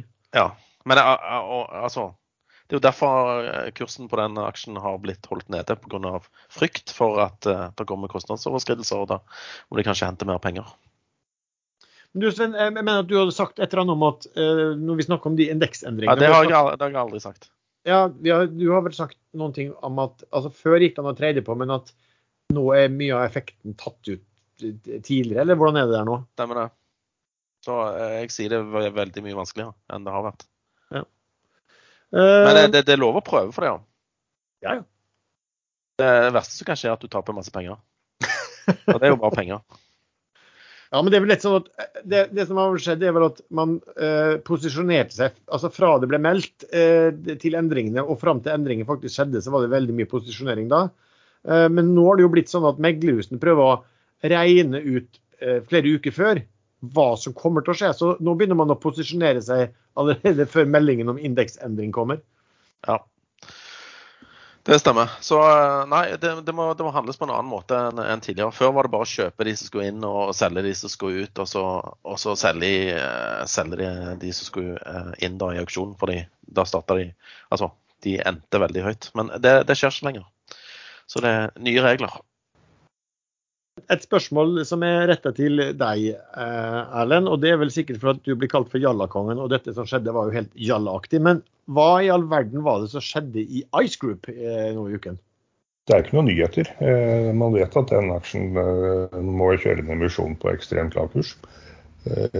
Og de må jo hente inn 2,3 milliarder, var vel siste jeg så tallet, kun for å betale gjeld. Nå har du ikke fulgt med timen, i det hele tatt. OK. Hva skjedde? De, så, eh, de, de, måtte hente inn 2,3 milliarder, men de klarte ikke det. Så de, i stedet så solgte de hele datterselskapet. Og hvem som, solgte de til? Eh, rike rogalendinger. Ja, rike rogalendinger. Lyse. Det stemmer, det. det, det, løye. Ja, så, så nå er det tomt skall? Nå skal alle bruke ice her nede borte. Alle må, alle må switche. Nå er det tomt skall helt uten verdier? Det er tom, nei, de har sagt at det er litt uklart, men jeg tror de har anslått ca. Er det 50 øre de har anslått i verdi per aksje? Eh, Ja, best case, da. Før avviklingskostnader. Ja, for de skal avvikle også. Ja. Da er det helt logisk at kursen går til eh, 3,50. Ja, men du, men du uansett, da, bare, bare ved dine opplysninger, så er jo du i stand med dine teorier til å forklare hvorfor.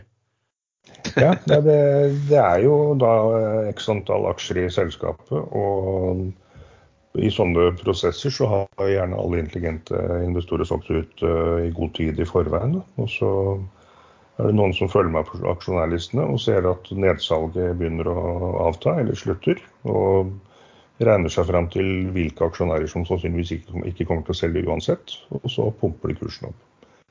Og det er jo da vakuumteorien, men det vakuumteorien er egentlig når man vet at det kommer flere milliarder aksjer på et senere tidspunkt. Det skjer jo ikke her. Dette går jo mot en eh, delisting, eller at noen overtar selskapet.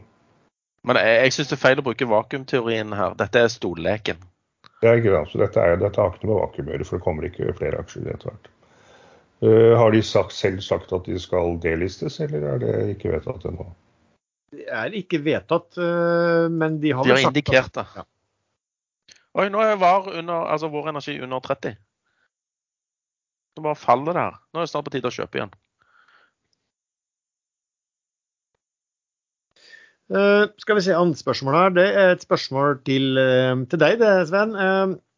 Uh, ville du godtatt budet i Northern Drilling? Nodel? Nodel? Nei, jeg vet da søren, jeg. Hva var budet på 17 kroner? Ja. OK, da sjekker vi kurs. Nudel. Der er den. Den er 1692 til 1708.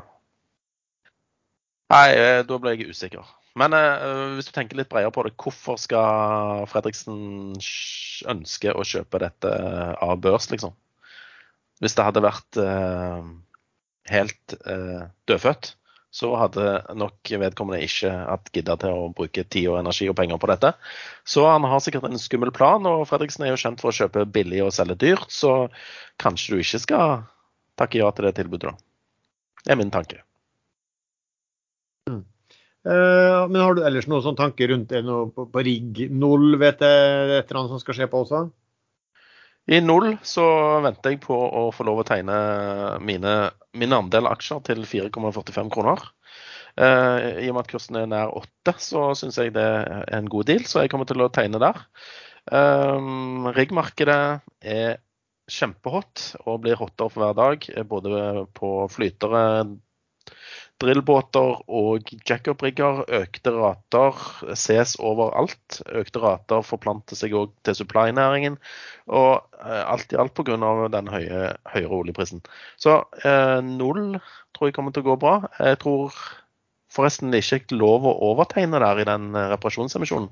Og det syns jeg var veldig kjipt, for jeg hadde lyst til å overtegne så det holdt. Eh, det vil jo bety at eh, det ikke vil komme ut så veldig mange av de eh, nye aksjene. For du fikk bare tegne 25 eh, av det du hadde fra før. Så null tror jeg kommer til å bli en vinner i løpet av 2022. Når det gjelder Nodel, eh, så har ikke de rigger. De har bare noen eh, avbrutte byggekontrakter som de krangler med verftene. Så der kan alt skje. Så har vi fått spørsmål om den CM offshore-dealen. Fulgte du med på hva, de har meldt, Sven?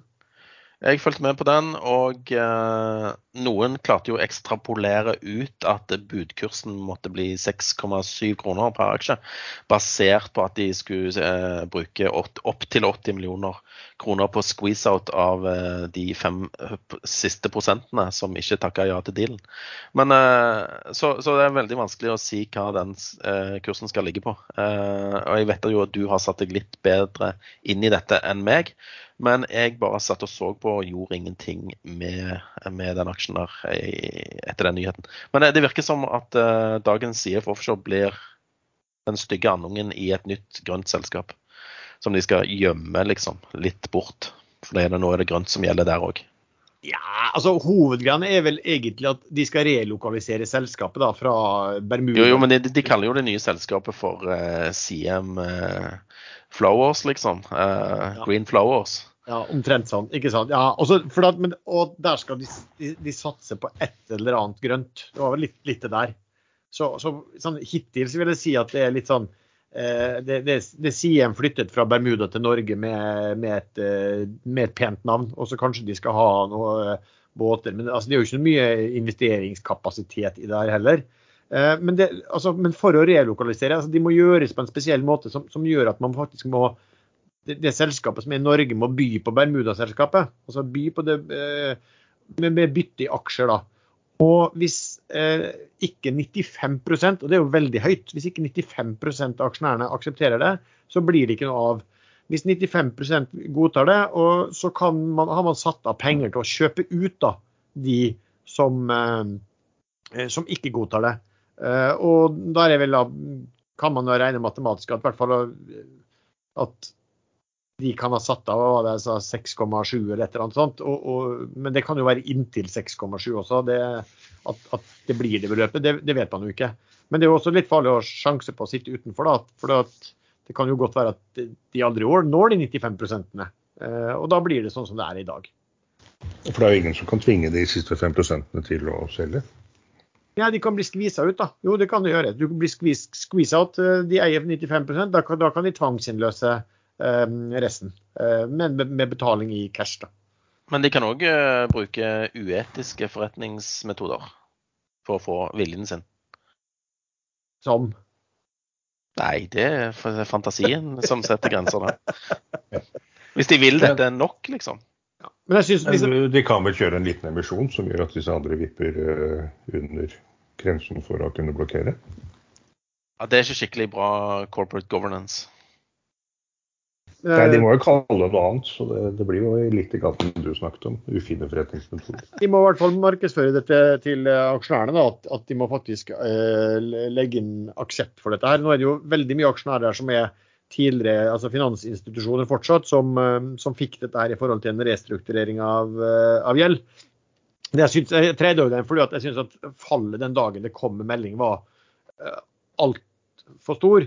Og så regulerte den jo, men så falt den jo egentlig tilbake litt fordi at alt annet innenfor supply-sektoren falt også.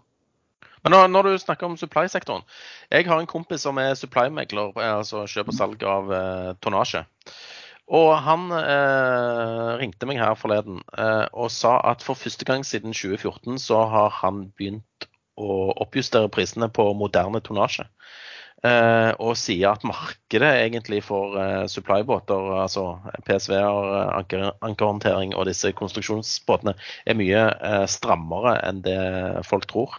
Og at oljeselskap er på leit og søken etter å inngå litt lengre kontrakter på mye tonnasje. Så det er jo positivt for supply-markedet. Jeg trodde jo det var overheng av, av, båter som kunne som lå i kaldt opplag, som kunne liksom bare dure på å ødelegge markedet igjen. Men det virker ikke sånn, da. Så det er jo veldig positivt, og lenge siden sist. Mm. Skal det sies, skal sies at han var den første som nedjusterte eh, verdiene i 2014 òg, og, og, ble ledd av det da. Så han hadde jo rett da, så jeg håper han har rett nå òg. Ja, ti år har det jo vært med, med virkelig dårlige tider i den uh i den, i den, sektoren. her, Men sa han noen ting om hvilke områder det var? For det er jo flere områder med ganske store ulikheter da, i Intersupply, også, også geografisk forskjell også. Ja, han nevnte spesifikt Brasil, at de er veldig på leit etter mye tonnasje. Der er vel, altså, Hvem er de norske? Der er jo CM Offshore og Doff. Og Doff Sol, Solstad er vel òg der. Ja, men... Kanskje de er et eget Brasil-selskap? Ja, men jeg tror Siem og jeg mener at Siem og ja, det, Du sier bare Siem fordi du eier den? Siem, nei, nei. Hæ? Jeg eier ikke den. Å nei. Har du solgt? ja. Å ja. Men de, de har jo vært, vært, tunge der, i hvert fall. Ja, øh, men uh, uansett, de som er uh, Altså, han var egentlig bull. Og det var lenge siden sist.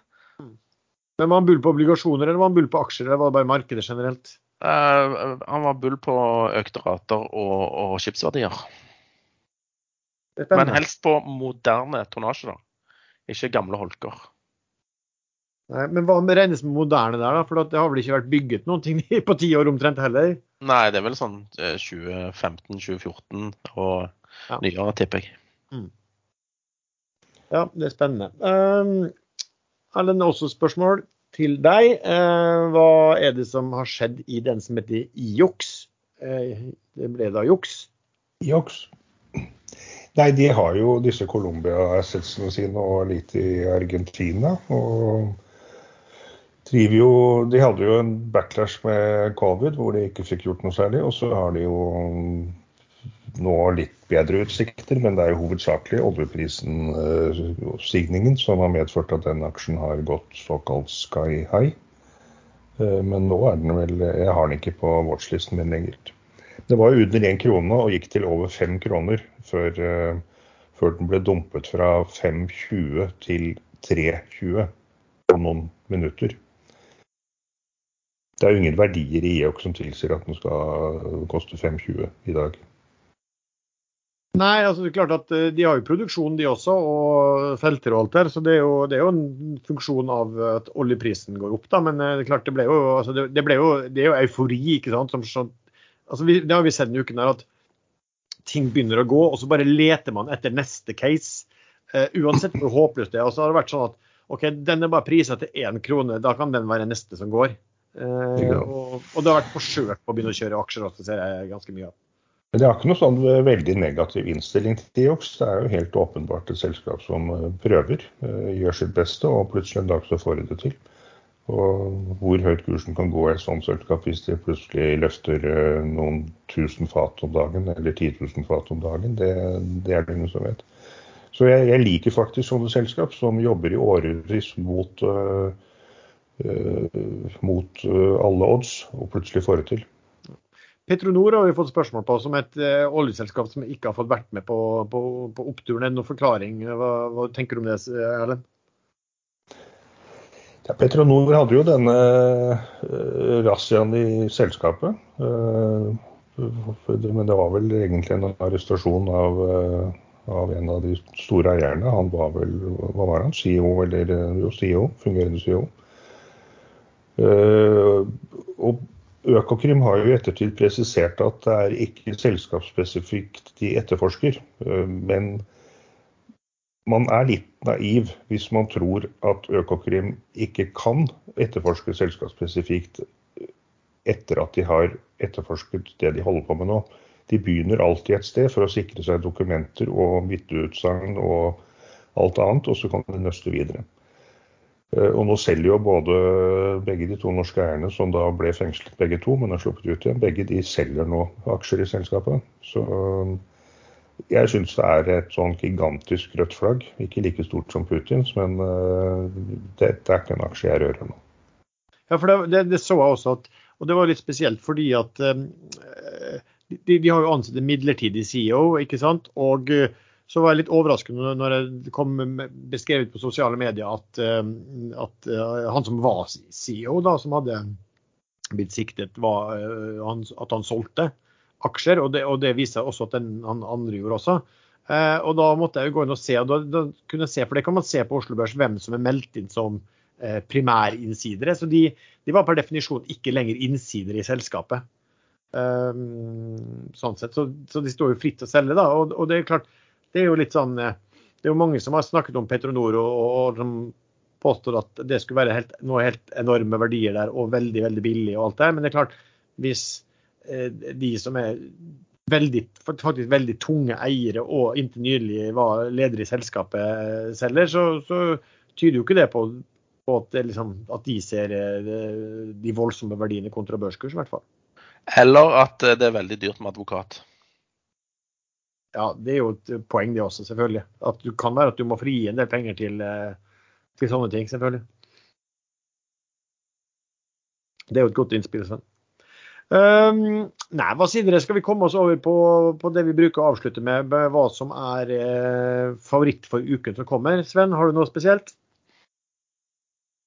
Burde kanskje hatt det, men uh, i sånne volatile markeder som nå, så er det jo eh, økonomisk selvmord å prøve å spå eh, aksjekurser en uke fram i tid. Så jeg har mine favoritter fortsatt. Jeg har solgt litt sånn Instabank, men har fortsatt ganske mange aksjer der.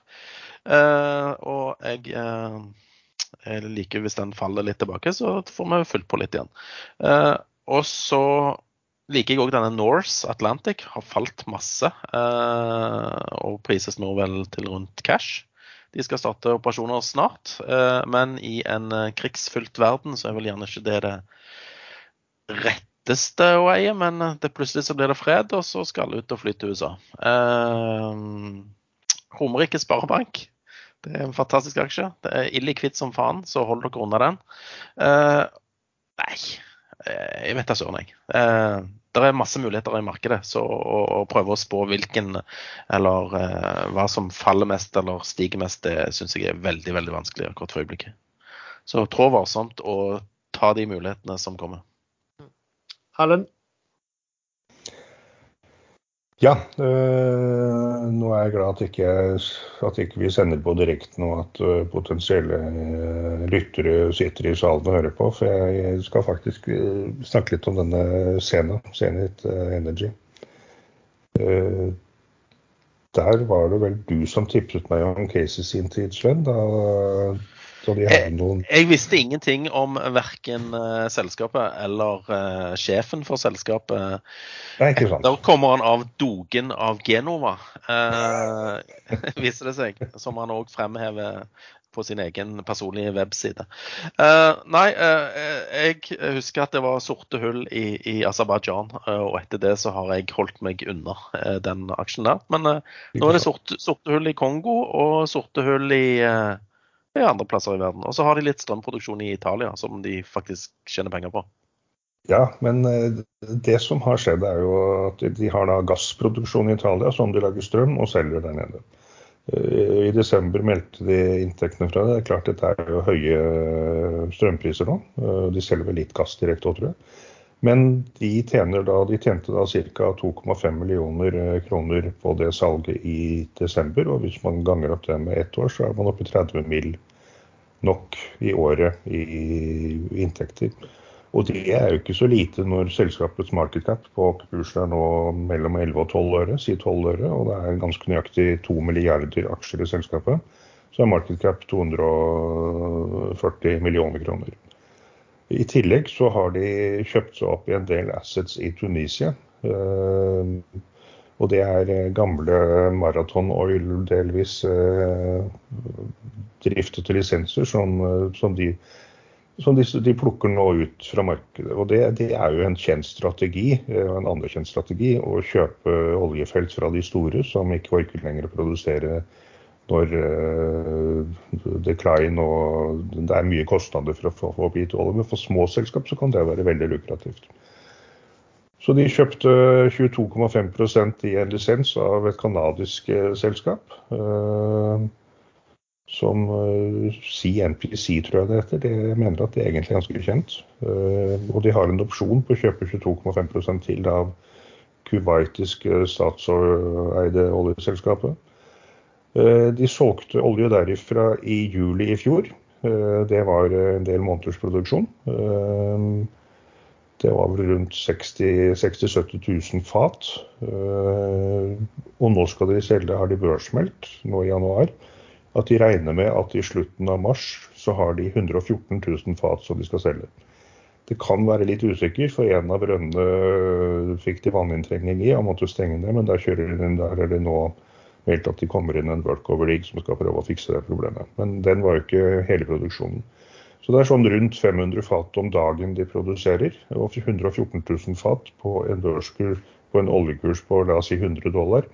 Da begynner man å nærme seg halvparten av market cap på et halvt år i inntekt. Det er, da snakker vi om uh, nettoandel av det som skal selges. Så, så, de tjener penger. De har eh, betalt tilbake ganske mye sånn smågjeld det har vært noe av problemet i selskapet. Det var ikke så mange aksjer den gangen du og jeg tredet. det. Husker jeg ikke tallet, men eh, jeg mener det kanskje var 300-400 millioner aksjer. og Nå er det 2 milliarder eh, tre år etterpå. Det har delvis vært pga. konvertible lån. Hvor, og det er også et innslag av fremdeles faktisk av det jeg kaller dødsspirallån. Men der har satt meg litt inn i akkurat det lånet. Det er tre millioner 3 millioner canadiske dollar vel lånt inn, og de har trukket 1 million av det. Men de står selv fritt til om de skal trekke resten eller betale tilbake cash. Og det gjorde de akkurat med det forrige lånet fra det samme selskapet. Så, så, de har cashet ut mange lån. De har rundt 10 millioner canadiske dollar i, i bondlån, som er børsnotert i Østerrike, er det vel. Eh, på, på en 8-9 eller 10% rente, så det er ikke sånn direkte billig. Men det er ikke blant det verste man leser om heller. Eh, og der har de nå nedbetalt alle etter planen 100% med cash fra beholdningen. Så de, de, har relativt lite gjeld, rundt 15 millioner canadiske dollar i direkte gjeld. Og så har de eh, inntekter på hva blir det? kanskje to, 250 millioner kroner i året nå. Det er 25 000 dollar, så det, det er grunnleggende så begynner nøkkeltallene på det selskapet faktisk å se ganske bra ut. Har du begynt å lese regnskap? Ja, jeg har faktisk lest et helt regnskap her i går. Men eh, der kan jeg avsløre min, mine huller i eh, Jeg har jo studert økonomi, da, men eh, jeg har litt huller. Det nevnes Etter det flertall hull, er det hull, eller er det huller? Der tror jeg du har rett i det du antyder. at dette ja, Det var bare et spørsmål. Ikke gå i forsvarsposisjon. Elg og selskap og fisk det er uh, sikkert det samme som hull. Det er, er, det flere, flere, elg? Jeg er sikker på det ikke er elger? Nei, det heter bare elg. Det heter også flere selskap, ikke selskaper. Så, ah. Men her får jeg sikkert kjeft igjen, for det er, mulig å ta feil på den siste. Ja, men bare Fortsett med det. Denne lugubre Jo, med hullet mitt, da. Hva betyr i note 24 på side 59 deferred consideration på 65,6 millioner millioner canadiske dollar. Det står på, på gjeldssiden. Deferred consideration, hva er det for noe? Det er gjeld til eh, Andrea Cataneo som skal kjøpe Ferrari istedenfor Lada. Det var det jeg skulle si, altså. Lønnen til Andrea. Han, han, kjøpte akkurat nå i januar. Ja, men altså, når, når, konsernsjefen går ut og sier det er mye bedre å kjøre Ferrari enn Lada, liksom, da skjønner du jo hvor cashflowen går. Jeg har også sett på regnskapet. Det er veldig lave lønnsutgifter i selskapet. Men det er en post på halvannen million kanadiske dollar som står eh, andre konsulentvirksomheter. Har du konsul konsulenthonorarer er også en form Jo, men det, det er tross alt et selskap med, med ganske mange ansatte. og ja. Eh, konsulenthonorarer på halvannen million kanadiske dollar og lønnsutgifter på rundt en halv million kanadiske dollar. Jeg syns ikke det så så helt gærent ut. Jeg, så... jeg syns å minnes den gangen dere to diskuterte og investerte i det, svart, det som viste seg faktisk bli et svart hull i, i eh, Hvor var det? Afghanistan, eller hvor det var? Uh, Aserbajdsjan, rett ut forbi Baku. Ja, så syns jeg å minnes den gangen at uh, Eh, han, den godeste toppsjefen, da, som eh, framstår vel som ganske eneveldig i hele selskapet, hadde en årslønn da på 10 millioner eller et eller annet sånt. Var det noe sånt? Hva, hvordan ligger han nå? Ja, nå har jeg ikke, men det, det, er, men det er bare å gå inn og se på regnskapet. Lønnsutgifter og konsulentutgifter var faktisk ikke veldig store. og Det, var, det er såkalt ukonsolidert halvårsrapport. De kommer bare med rapport en gang i halvåret. Men uh, de har jo revisor som, engelsk revisor som sjekker dette her eh, hver sommer. Så er det jo spørsmålet om man kan stole på den revisoren. Men i januar så kjøpte eh, Andrea CEO, uh, italiensk, han heter Andrea, kjøpte 39, over 39 millioner aksjer og betalte 10 eller 11 øre for dem. Så men Betalte han for dem, eller var det Ja, det, det vet man jo. Det, det, er jo det man ikke vet, da. Men, men uansett, det ble hentet inn penger 30 millioner kroner i Norge nå i fjor.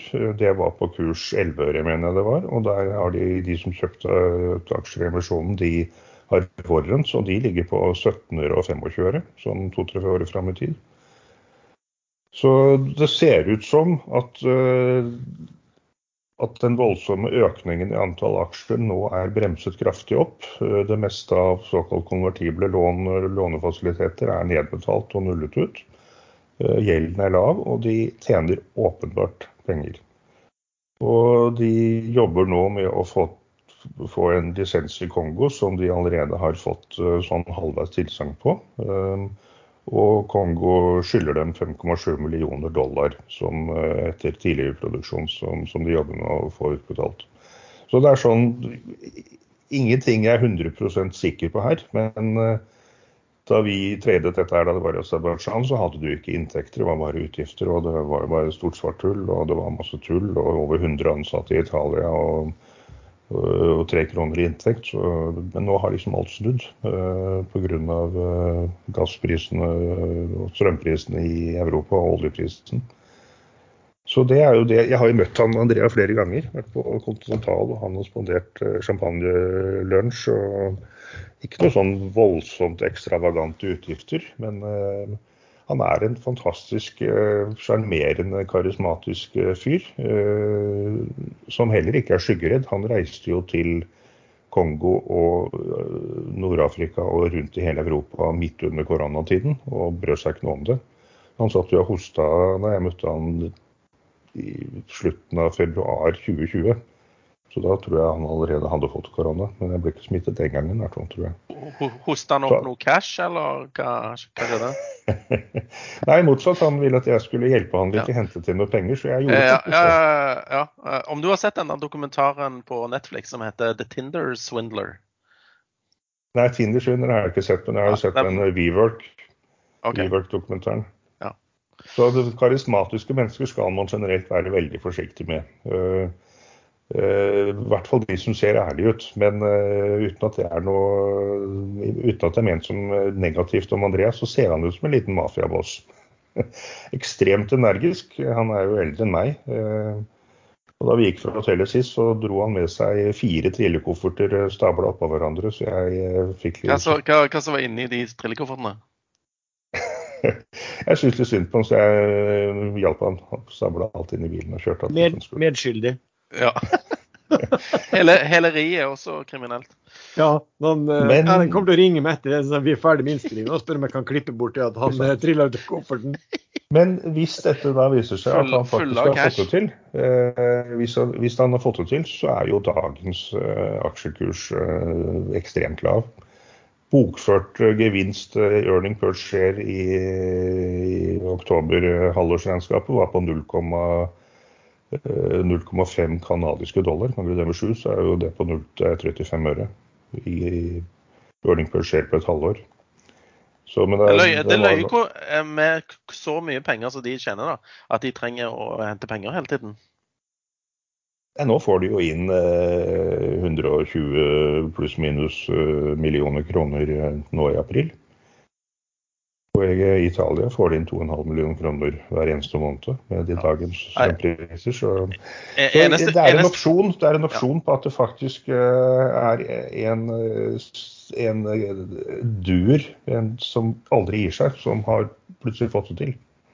Det er det. Så det er ikke det, er ikke, det lukter ikke så vondt lenger av det selskapet som det, som det, gjorde før. Det er noe som bygger seg opp der, tror jeg. Og jeg, jeg har tatt et ganske stort bet i, faktisk. Jeg liker alltid sånne milliontall, så jeg, har, eh, jeg hadde ti millioner aksjer her, men jeg reduserte det. Men det økte litt igjen. Jeg ønsker lykke til. Grunnen til at jeg er litt skeptisk, er historikken. Eh, ene ja, jeg, har ikke, jeg har ikke satt meg inn i de siste års uh, utvikling. Ikke sant. Ja, nei, så, men det er jo sånn jeg elsker, å gå litt og grave litt i selskap som egentlig er det sånn. Det heter at man aldri skal elske en aksje, men man skal faktisk aldri hate en aksje heller. Da kan man gå glipp av uh, Ja, jeg er litt uenig. Det heter ikke at du ikke skal elske en aksje, men det heter at du skal ikke forelske deg i en aksje. Ja, men du skal ikke hate en aksje heller, mener jeg. Turnaround case er uh, interessant. Ja, men jeg er enig med det der. Altså, det kan være, du kan ha, og du kan ha, uansett ha dårlige selskap som kan bli bra aksjer. Ikke sant? Og motsatt. Ikke sant. Uh, noe mer enn uh, scenen da, som er noe spesielt, uh, er det? Ja, jeg har jo litt i denne Inser da, som et bedt på at uh, noen skal kjøre sånn uh, Ice Group rally i den uh, før jeg dør. Uh, men midten av mai, 11. mai er det vel, så skal selskapet delistes. Det er en avgjørelse som er tatt, så ingen, ingen, må gå rundt og tro at noen kan nå gå inn og kjøpe en majoritet i selskapet og putte inn noe annet og fortsatt ha det på børs. Da må de kjøre det på børs igjen etterpå, hvis det er planen. Så det er vedtatt, den kan ikke endres. OK. Um, se forresten, jeg har en til din store glede at Kvister har vel da eh, steget opp igjen. og Har vel gått opp fra 6% siden det laveste på dagen, så det tar vi med med glede. Det gjør vi vel. um, du, vet du hva? Um, jeg var ikke så sikker på om jeg skulle snakke om den her, men når du har nedverdiget deg så mye, Erlend, så føler jeg at, eh, at uh, det er ganske lav, uh, lav, barriere her for å kunne snakke om den som jeg skal faktisk snakke om nå. Uh, og det er faktisk børsens, etter mitt syn, soleklart billigste oljeserviceaksje. og hva er det? Tips? Du mener kanskje eh, Doff Subsea? Nei, Doff? Nei, nei, nei. Oh, nei det, det, det framstår jo ikke billig. Du vet hva, det er faktisk eh, Petrolia.